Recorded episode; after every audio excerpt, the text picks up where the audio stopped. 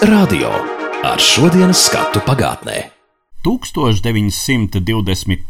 gada 20. martā laikrakstā Latvijas vēstnesis lasāms. Pasta un telegrāfa virsvalde paredz pārdot privātpersonām radioaparātus uz nomaksu pret attiecīgu garantiju. Radioaparātu vērtību no 4000 līdz 12000 rubļiem varēs nomaksāt, skatoties pēc dzēšamās summas lieluma 6 līdz 12 mēnešu laikā. Ar šo Eduarda Liniņa ierunāto ziņu atklājam jaunu raidījumu sēriju gada garumā Reiz Radio. Tā kā šis gads ir 90. pēc kārtas, kopš skan Latvijas radio, tad lūkosim, vai pareizāk sakot, klausīsimies, kas visu šo gadu laikā te ir skanējis. No.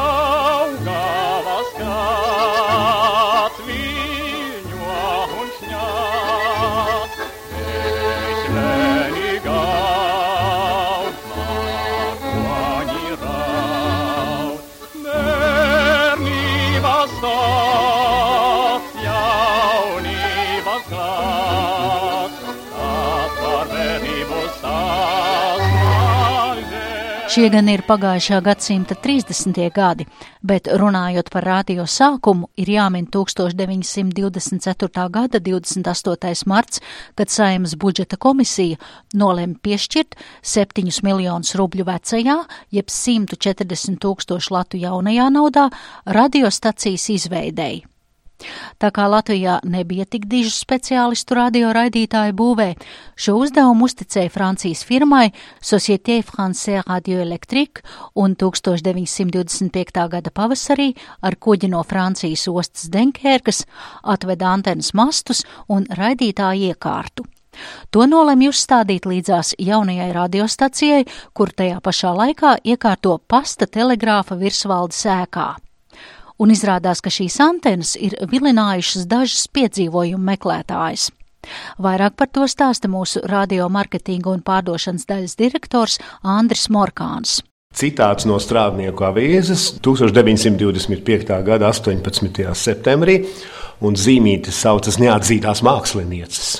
Tātad Rīgā 17. septembrī Rīgas radiostacijas turnī bija uzrāpušās divas jaunavas. Tā kā radiotorņa apmeklēšana pēdiņās ir noliegta, tad pēc nokāpšanas policija abas akrobātes apcietināja un sastādīja protokolu. Runa ir par tiem torņiem, kurus sen vairs nav tagad pie Latvijas Universitātes ekonomikas fakultātes. Tur, kur bija radiomāja agrāk. Varbūt kādam citam ir vieglāk saprast Stokmana otrā pusē. 11. tramvaja gala punkts. Nu, vecākā paudze noteikti atceras, ka tur bija radiotornis vēl līdz 90. gadu sākumam. Un to loku ap universitātes tagadējo ēku sauc radio ielu. Pašu loku nē. Pašu to, ieli, pašu to ieliņu pa kuru brauc tikai tramvajs, bet nedrīkst braukt autotransports, to mazo ieliņu, bezvārda ieliņu, to sauc par radio ielu. 1925. gada 2. septembrī Rīgas ziņas raksta. Ierosināts jautājums dot nosaukumu ielai, kuras sākas no pasta virsvaldes nama un iet līdz prefektūras namam kanāla malā iesniegti priekšlikumi šo ielu nosaukt vai nu par jauno pasta vai radio ielu. Radio - elektromagnētisko viļņu raidīšana un uztveršana. Kamēr torņi vilināja sportiskās studentes, tikām iekštelpās notika paša radiofona iebūvēšanas darbi.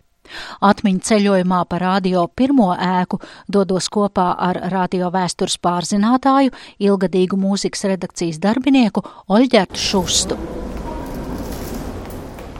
Radio vispirms šajā ēkā izvietojās augšējos stāvos, kas bija speciāli priekšradio izbūvēti.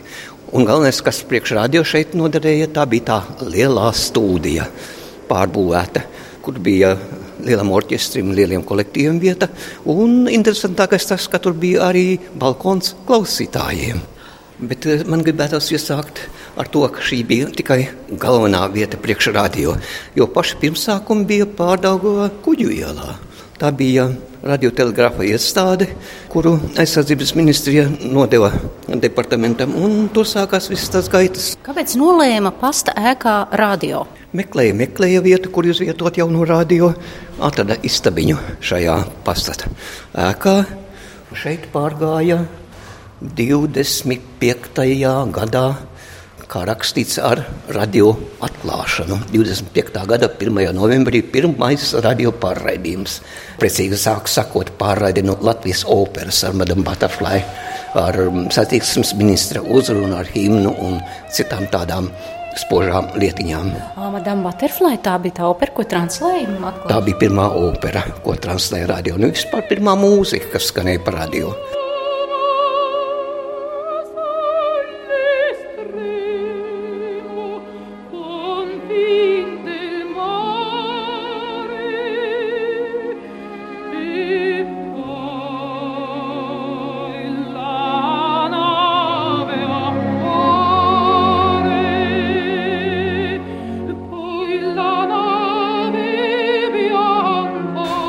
Tātad no 25. gada 1. novembra radio sāk raidīt šajā ēkā un līdz kuram gadam?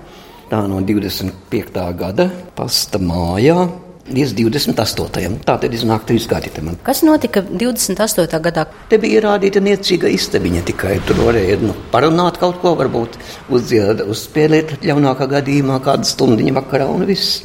Un tad atrada vietu tur. Krišņēna barona un Matīs ielas stūrī. Tur bija divas istabas, un viena liela istaba. Un pa to laiku, tajos divos gados, šeit piebūvēja vēl divus stāvus klāt, speciāli priekšrādio. Un tā tā kļuva galvenā radio mītne. Un kā vēlāk, kad atkal pārcēlās uz šo veco saka, pasta māju, tad inženieri priecājās. Nu, vienreiz mūsu telpām nav jāizmanto kāda veca virtuve un pāris istabiņas, bet esam īsti saimnieki savā telpās. 32. gadā Latvijas radio atnāca šeit atpakaļ. Un līdz kara laikam, kad šo māju nodedzināja. Nu, kara laikā šeit izdega mūrs gan gluži nesaspridzināja, bet ar radio šeit bija cauri aizgāju milzu vērtību bojā. Un piedāvājām vēl blakus esošos dzelzs mastus, Viena nogāza, otrs palika tā vientuļi. Nu, šajā ēkā aizritēja arī vācu okupācijas gadi. Tad mūzikas daļas vadītājs Jānis Mediņš vairs nebija gluži pirmajā plānā. Tad toni noteica no Berlīnas nākušie. Bet tomēr latviešu mūzika vēl dzīvoja, un Jānis Mediņš ņēma ar savām vecajām skaņu platēm, ko nu prata.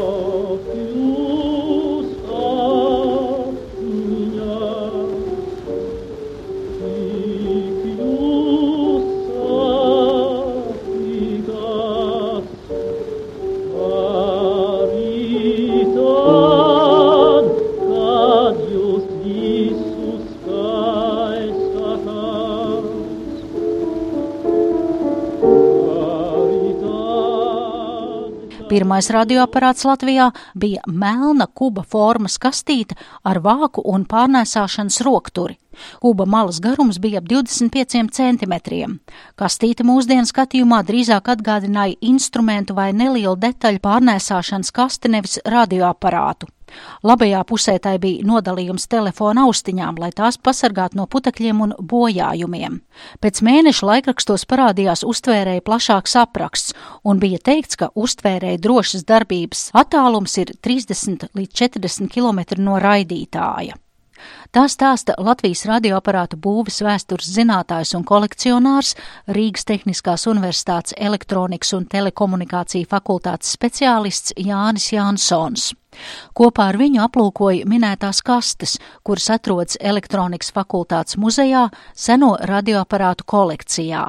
Šeit ir pats pirmais rādio, kur sāk ražot, drīzāk jāsaka, uzprojektēja 24. gada oktobrī. Šos uztvērējus izgatavoja pasta telegrafa virsvaldes galvenajās darbnīcās. Bet tas Vefa muzejā, ja jūs varēsiet viņu korpusu redzēt, bet iekšā tur nav. Bet tas bija, kā saka, nu, pilotu projekts. Tādu Nu, jā. izmēģināja, bet ne jau piedāvāja cilvēkiem. Vēlāk viņu piedāvāja, bet viņš diezgan pavāji gāja. Viņš maksāja 40 latu, tur vēl bez papildu ierīcēm. Ar papildu ierīcēm kaut kur kāds 120, 140 latu varēja iet. Tas, kas izskatās jau pēc rādio, tur jau bija jāaiziet cauri, ot, lūk, visai šai fizikas kabineta izskata aparātiem. Šeit ir tie kristāli bezpastiprinātāji aparāti, lai labāk saprastu. Nekāda pastiprinātāja nebija.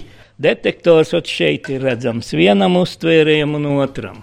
Nu, tādas milzīgas sērkociņa kārbiņas lielumā, brūna koka kastīte Jā. ar eh, kaut kādām metāla skrūvēm un tāda adatiņa tā kā patafonam uztvēr. Uh, jā, un šeit ir kristāls. Tā ir vispār pirmā pusudītā ierīce, ko reāli sāk izmantot. Un tad jau tālāk mums jāskatās, vai te secīgi blakus ir šī lielākā kārbiņa. Lielākā kasta ir nākošā gada. ir 26. ja? Jā, tas ir faktiski šis jau ir 27. gads. Šis ir jūtams sarežģītāks. Šeit pat nav noskaņošanas elements. Viņš ir tā apmēram uztaisīts, lai var klausīties Rīgu un vairāk neko. Un skaļums jau bija tāds, ja nedzīvoja taisni pie raidītāja, tad nu, tā apmēram tā kā bija rakstīts vienā žurnālā aiz septiņiem kalniem ganumeita dzied. E, Šī visa klausīšanās pamatā bija, man liekas, ka bija 80% rīdzinieku no visiem klausītajiem.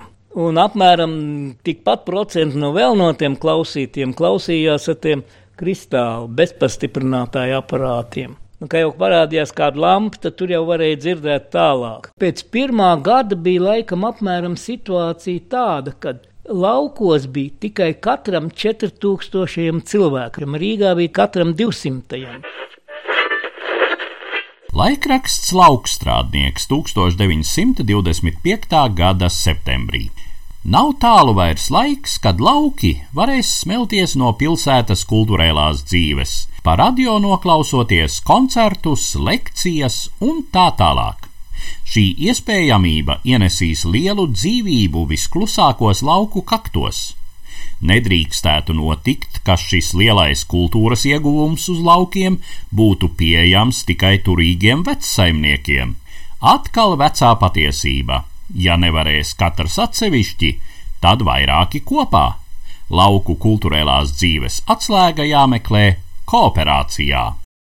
Cilvēki nebija pieraduši. Pašā pirmsākumā jau viņi nebija pieraduši, ka viņa tāds radio vispār ir vajadzīgs. Latvijas skolā bija tā, ka mācītājs bija aizliegts. Skolā bija nopirkts aparāts ar austiņām. Ka nedrīkstot tās austiņas likt virsū, ka tur esot sātans iekšā tajās austiņās.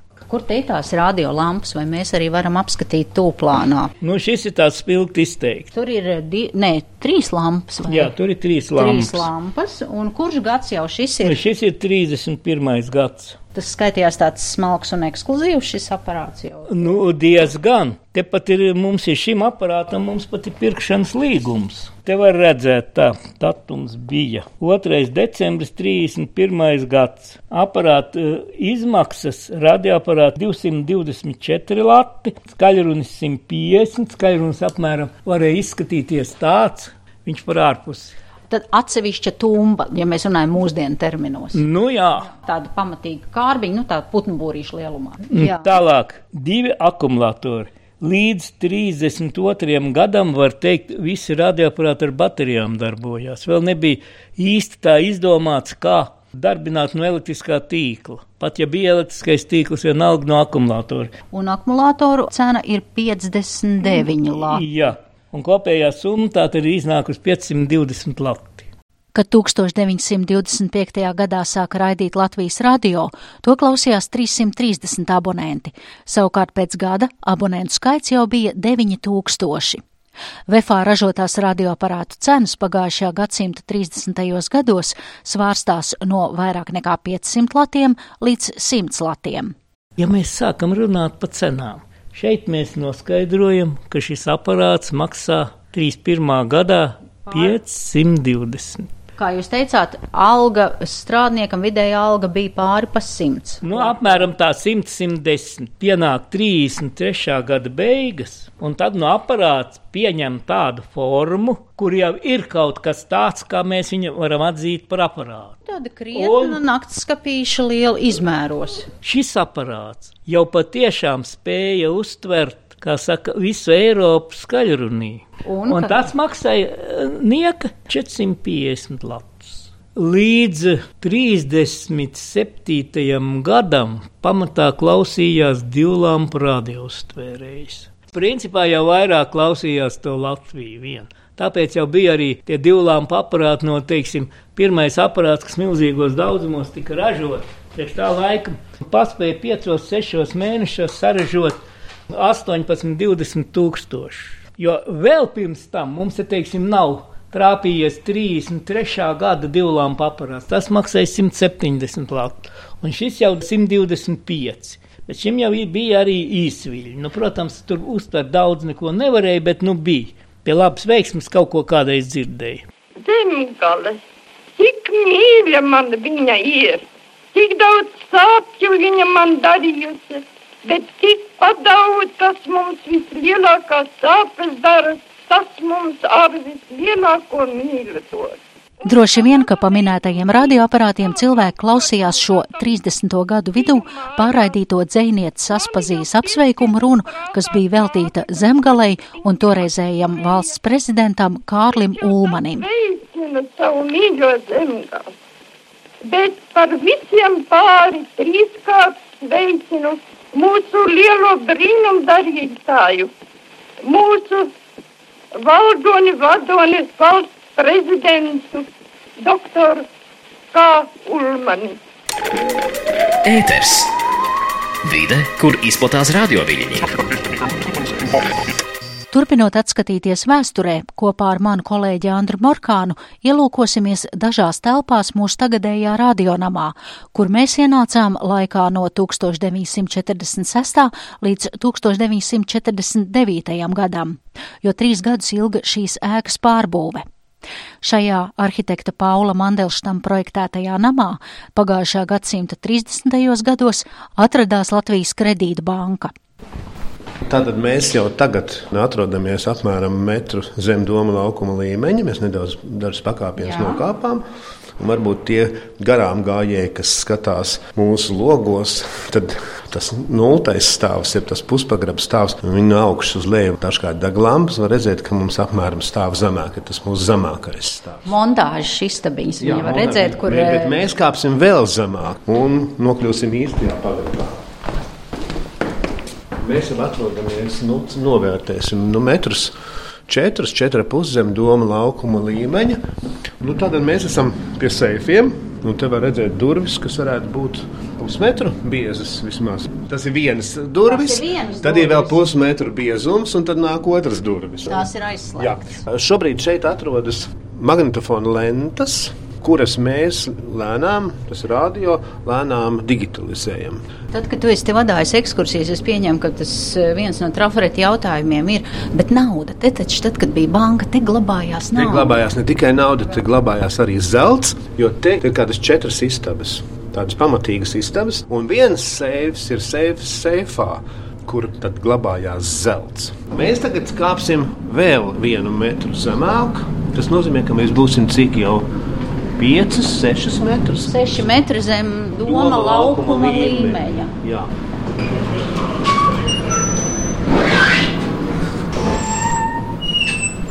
Šeit ir kurtuve un palikušas vēl tās krāsnes, kuras pirms simt gadiem, un varbūt vēl pirms 80 gadiem, ap, apkurināja šo māju. Bet, Zini to bet krāsnes smārdu, var just gaisā, ogļu smārdu.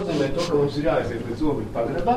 Mēs ejam pa sliedēm, kur agrāk droši vien gāja ogļu vagonetes. Dziļāk vairs nav kur piet, un nav arī nekā ievērības cienīgi ko aplūkot. Tik liela tukša telpa ar ķieģeļu sienām, kuras glabā atmiņas par laikiem, kad kurinātāji krāmēja akmeņogles kurtuvēs, lai ziemā te nesaltu bankas darbinieki. Un turpinot ceļojumu pagātnē, dodamies uz radio pirmo studiju, vienu no labākajām ierakstu studijām Baltijā. Šajā telpā bankas laikos atradās kases operāciju zāle. Lūk, arī Augustīns Delle, viens no mūsu Naudas skaņas vietā patīkamo muzikālo fonu šeit uzliek Latvijas radio skaņu inženieris Augustīns Dēlle. Labdien, August! Tas bija neplānoti. Mēs par radio nama vēsturi mēģinām Jā. veidot ierakstus. Un, ja es pareizi atminos, es tev esmu intervējis. Par šīm pusapaļajām, kā to pareizi sauc, kolonnām. Tās mēs redzam par puskolonnām. Tā ir absolūti tāda akustiska nepieciešamība. Tādās telpās, kurā ir plakanas, paralēlas sienas, skaņas viļņi atstarojās un veidojās to, ko mēs saucam par stāviļņiem, un ierakstos tas ir faktiski tas ir ļoti traucējošs piemaisījums tai tiešajai skaņai.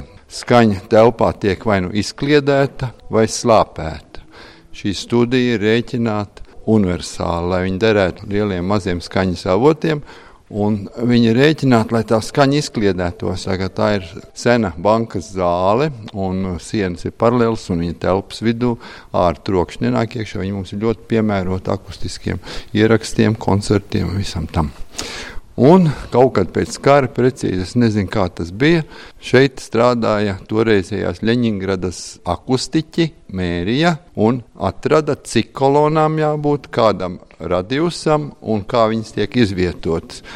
Ja es tagad sastīšu plauksts, tad nebūs nekāda atbalsts, bet būs skaņas rimstoša tāda Ja mēs to darītu tukšā istabā, kādreiz pirms remonta izkrāmē istabu, sarunājoties pat grūti runāt, jo tev nāk precīzi. Šeit to atbalsti apēd. Tā atbalsts tiek izkliedēta, un tas izpaužās Ar to arī skan pirmais Latvijas radio vēsturē veltītais raidījums, un tajā dzirdējāt mārketingu un pārdošanas daļas direktoru Andri Morkānu, radio vēstures pārzinātāju bijušo mūzikas redakcijas darbinieku Oļģertu Šustu, skaņu inženieri Augustīnu Delli, radiožurnālistu Eduardu Liniņu un Rīgas Tehniskās universitātes elektronikas un telekomunikāciju fakultātes speciālistu Jāni Jansonu. Raidījumu veidoja un vadīja Zāne Lāce.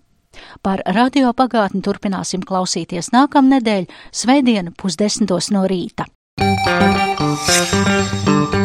Reiz radio.